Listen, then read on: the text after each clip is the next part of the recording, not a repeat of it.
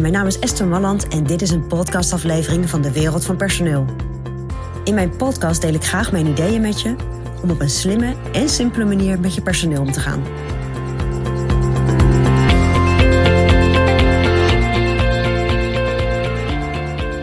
Ik weet niet of jij functiebeschrijving hebt voor je medewerkers, maar het zou heel handig zijn als je die wel hebt. En daar zijn diverse redenen voor.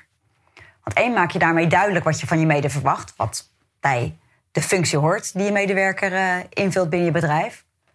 Maar twee is het ook heel belangrijk dat op het moment dat uh, medewerker niet zo goed functioneert en je zou in een juridisch traject komen, dan moet er altijd een functiebeschrijving zijn. Dat is echt een voorwaarde. Want als je nooit duidelijk bent geweest over je verwachtingen, ja, dan uh, zeggen de juristen, ja, dan kun je ook niet verwachten dat iemand aan die verwachtingen voldoet. Maar goed, zo'n functiebeschrijving, daar kan je natuurlijk iets heel ingewikkelds van maken. Of je kunt het heel makkelijk maken.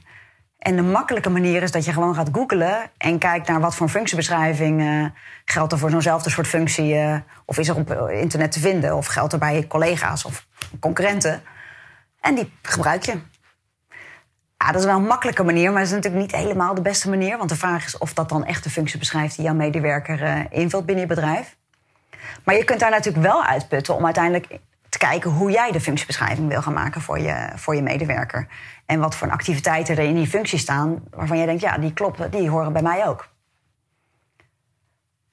Op het moment dat je een functiebeschrijving hebt gemaakt, is het wel goed om regelmatig ook met je medewerker te kijken of die nog klopt. En nogmaals, aan de ene kant is het belangrijk dat je een functiebeschrijving hebt, omdat je daarmee ook de verwachtingen helder maakt. Daar komen ook nog gesprekken bij, maar een functie is toch een heel mooi vertrekpunt. En twee, het is ook belangrijk dat je die hebt voor momenten dat het juist niet goed gaat met de medewerker en je wellicht in een juridisch traject komt. Dus zorg ook dat je functiebeschrijving up-to-date blijft. Dus gaat er heel veel veranderen in de functie van de medewerker, pas hem dan ook aan. En vraag of je medewerker daar zelf ook wat, uh, wat input voor levert.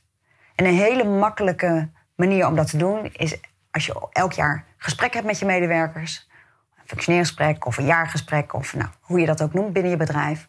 Om dan ook even die functiebeschrijving er goed bij te pakken. Dat is sowieso fijn, want dan kun je ook kijken wat zijn de verwachtingen die ik van je had en hoe heb je daarin gefunctioneerd. Maar dat je ook kritisch met elkaar kijkt naar klopt die nog wel? Of moeten we toch een aanpassing maken op je functiebeschrijving? Kijk, ik wil niet dat je van een functiebeschrijving een doel maakt. Want uiteindelijk is het een middel. Maar het is wel een heel belangrijk middel wat echt sturend is voor hoe je medewerker kan functioneren. Dus zorg dat je goede beschrijving hebt van de functies. En zorg ook dat je regelmatig checkt, jaarlijks, of ze nog kloppen.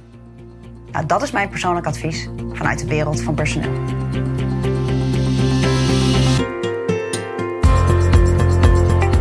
Wil je ontwikkelingen in de wereld van personeel blijven volgen? Abonneer je dan op ons podcastkanaal. Ook op onze website vind je allerlei slimme ideeën en adviezen. Dus kijk even rond op www dewereldvanpersoneel.nl